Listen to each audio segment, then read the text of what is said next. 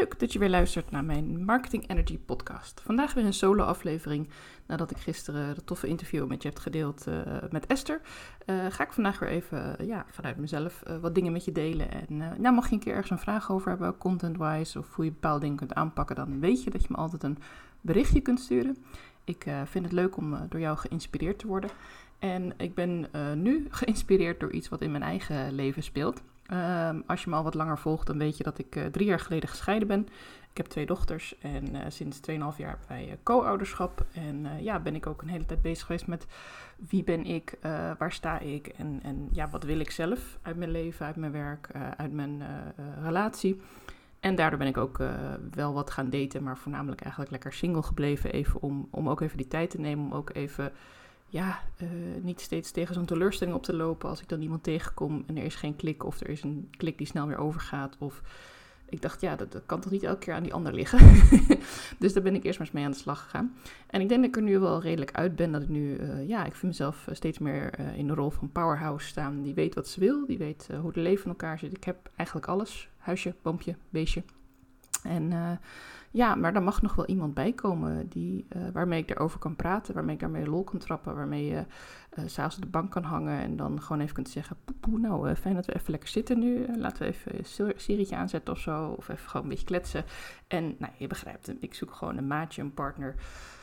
En, maar ik ben er ook wel heel erg kritisch in geworden, juist door die hele kweesten van de afgelopen jaren. Wie ben ik, wat wil ik? En ik merk ook dat dat uh, omdat ik steeds meer uh, op mijn gevoel afga, mijn intuïtie, dat ik ook steeds sneller eigenlijk gesprekken afkap. Um, nou ja, kan je zeggen dat is efficiënt voor beide partijen. Uh, en soms is het ook wel lastig, want ja, iemand kan een hele leuke foto hebben of juist een hele vreselijke foto op een dating app. En dan toch een heel leuk gesprek hebben.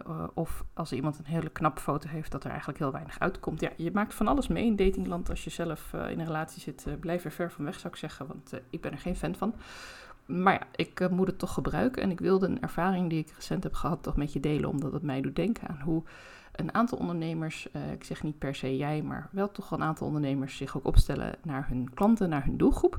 Dus vandaar dat ik dacht, ik deel dit verhaal en dan uh, vertel ik hoe ik dat zie gerelateerd aan jouw content. Want het gaat niet over de grote Aurélie show waarin ik mijn dateperikelen met je ga delen. Absoluut niet. Ik ga het verhaal ook niet letterlijk vertellen zoals het is gegaan. Ook ter bescherming van de privacy van beide partijen. En ook omdat het totaal niet relevant is voor het voorbeeld. Het komt erop neer dat ik een leuke klik had met iemand. Dat ik een beetje aan het appen was met die man. En uh, ja, leuk vent. Dus we hebben afgesproken. We zijn een keer even op een publiek terras uh, een drankje gaan doen. En uh, nou, dat was op zich wel een leuk gesprek. Maar ik merkte wel tijdens het chatten al en ook tijdens het gesprek aan tafel dat hij de neiging had om te zeggen: Ja, wij zijn al boven de 40, dus wij vinden dat al niet leuk meer. Of uh, ja, je bent ook uit de jaren 80, dan hou jij dus ook waarschijnlijk van de. Of eigenlijk waarschijnlijk zei hij niet eens, dan hou je ook van de 70s en 80s en 90s muziek. En nou, toen viel ik echt uit mijn stoel. Um, ik hou enorm van muziek. En ik kan af en toe best een plaatje uit de jaren 70 of 80 hebben. Maar ik ben geen fan. Ik ben geen Queen-fan. Ik, ben, ik heb daar heel weinig mee. Ik luister heel af en toe. Ik vind het wel eens af en toe leuk. Maar een heleboel van die muziek zet ik niet voor lol op. Ik luister eigenlijk veel meer naar King FM, Slam FM en Studio Brussel. Uh, voor de meer alternatieve muziek. Uh, ik hou erg van festivals en grote bands, kleine bands. Um, ik hou erg van uh, dancemuziek. Dus ja, daar passen de jaren 70 en 80 niet in. Ik heb een paar uitzonderingen zoals Tina Turner of Joe Cocker, omdat ik daarmee opgegroeid ben. Dire Straits, dat, dat, ja, is de muziek die mijn ouders draaien. Dus heb ik jeugdsentimenten aan en die luister ik heel af en toe. Zeker niet wekelijks. dus ik vond het wel grappig uh, toen ik even terug ging denken aan het gesprek van jeetje. Jij hebt allerlei ideeën over hoe je zelf in het leven staat en hoe je dan verwacht dat de ander is. En dan ga je niet eens vragen. Nee, je neemt het gelijk aan dat ik er ook zo over denk. En dat ik ook uh, zo in het leven sta. Terwijl ik eigenlijk hele andere keuzes maak en hele andere dingen belangrijk vind. En in plaats van mij ook wat beter te leren kennen. Uh, en misschien eens wat door te vragen over zaken, uh, ging er eigenlijk al een beetje vanuit dat ik ook wel zo zou zijn als hij, of, of zoals mensen die hij kent uit zijn eigen omgeving, misschien vrienden, misschien een ex, dat weet ik niet, heb ik allemaal niet nagevraagd. Maar het gaat erom dat hij al conclusies aan het trekken was over hoe ik ben, wat ik leuk vind, wat ik graag zou willen. Ja, zonder daar echt op door te vragen. Tuurlijk heeft hij ook doorgevraagd op andere dingen. Het was echt geen verkeerde man. Anders was ik ook denk ik niet uh, mee op het terrasje gaan zitten. Het was echt wel een leuk gesprek. Alleen ja, er was geen klik. En ik begon dan toch af te vragen mezelf van... Hey, ik heb vanuit de app besloten van nou, dit is leuk genoeg om, om even een drankje te gaan doen. Een publieke plek, dus helemaal veilig. Hele goede gast verder, niks mis mee. Um, En toch is het dan daarna dat ik denk, ja, nee, het is het toch niet. En het klikt toch niet. En wat is dat dan? En dan vind ik dat toch, ben ik toch benieuwd naar waar het aan ligt. Want eigenlijk was er dus, zoals ik al een paar keer heb gezegd, niet zoveel mis met hem. En zou die ook best wel in het plaatje kunnen passen. Maar waar het mij een beetje om ging, is dat het mij ja, toch dwars zit dat iemand dan al heel veel conclusies over mij trekt. En, en ja, dan merk ik toch dat het ook iets is wat ik eigenlijk heel belangrijk vind. En toen ging dat relateren aan mijn werk. Er waren trouwens ook nog wat andere dingen die uh, reden waarom geen klik. Dus het is, uh, het is niet dat ik maar op één punt iemand afwijs, maar ja, dit was een belangrijke. En deze kan ik relateren aan mijn content. Ik gaf al aan, ik ga niet het hele verhaal vertellen, want dat is uh, mijn eigen privéleven. Maar ik vond het een mooie vergelijking dat hij ervan uitging dat ik bepaalde dingen juist leuk zou vinden of juist niet leuk zou vinden. Um, ik heb ook wel eens, dat was een andere situatie, de vraag gehad van, uh, oh je bent nu uh, 40, uh, ik ben inmiddels 42, dus je zult wel geen kinderen meer willen. En die vind ik wel een beetje pijnlijk. Want ten eerste staat op mijn profiel dat ik twee kinderen heb en dat ik geen nieuwe kinderen erbij meer wil. Ja, tenzij een partner met kinderen komt, dan is dat een ander verhaal. Maar dat heeft helemaal niks te maken met mijn leeftijd. Dat heeft ermee te maken dat toen ik zwanger was van de tweeling en ik uh, die meiden kreeg, dat ik een hele heftige tijd heb gehad en dat er behoorlijk uh, veel gebeurd is. En dat ik eigenlijk al tijdens de zwangerschap heb besloten, dit nooit meer. ik, uh, nee, ik weet dat vrouwen happy kunnen zijn van zwangerschap. Ik, ik, ik, volg nu van dichtbij weer een dame die ik goed ken, die is zwanger en, en die is helemaal gelukkig. En ik gun het vrouwen ook enorm om daarvan te genieten. Of om de keuze te maken om het niet te doen. Maar ik kies echt al, al sinds dat ik 31 was en dus zwanger, raakte van, uh, van mijn toenmalige vriend. Inmiddels toen weer man en nu gescheiden. Nou, lang verhaal. En ik heb een prachtige tweelingmeiden. Daar ben ik heel erg blij mee. Maar ik wil absoluut geen derde erbij. En ik heb daar mijn persoonlijke redenen voor. Die helemaal niets te maken hebben met mijn leeftijd. Dus er zomaar vanuit gaan dat ik omdat ik nu 42 ben, iets niet meer zou willen of iets juist heel leuk zou vinden of in een bepaald hokje pas of misschien nu op zijn AWB-kleding uh, samen wil gaan wandelen. Allebei blauwe broek, groene jas, uh, blauw petje op. Met dezelfde fiets uh, door Gelderland gaan fietsen. nee, zo ben ik niet. En dat, dat heeft niks met mijn leeftijd te maken. Dat heeft met mijn persoon te maken. En daar trek ik dus de vergelijking met jouw content.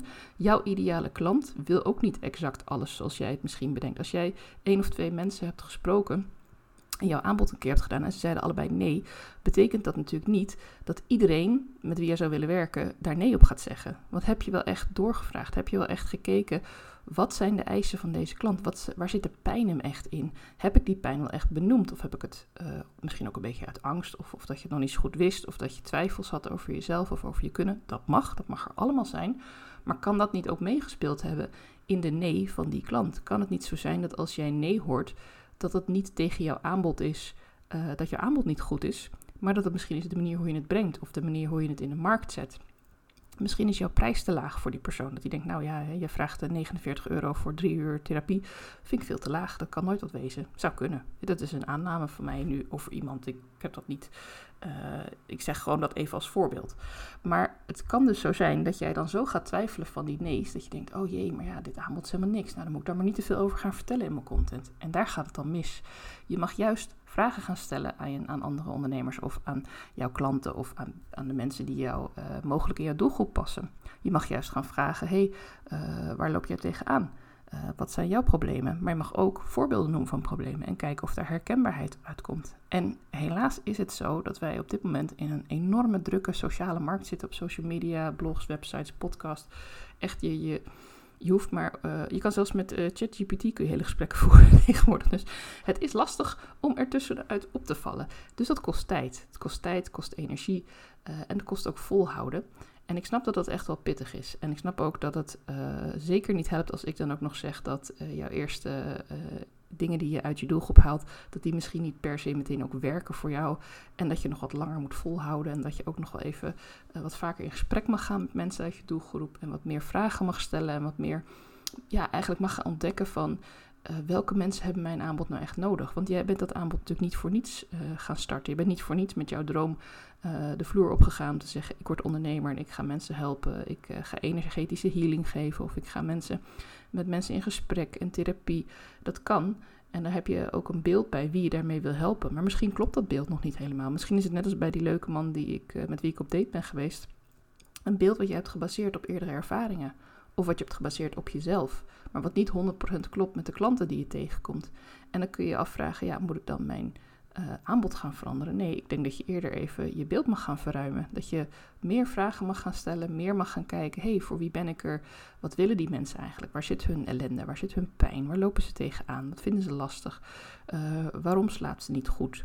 Uh, waarom uh, heeft ze veel last van stress? Waarom vindt ze het moeilijk om te communiceren met haar partner? Waarom vindt ze het lastig om voor zichzelf op te komen op de werkvloer? Of het zijn 101 vragen uh, waar heel verschillende antwoorden ook op kunnen bestaan.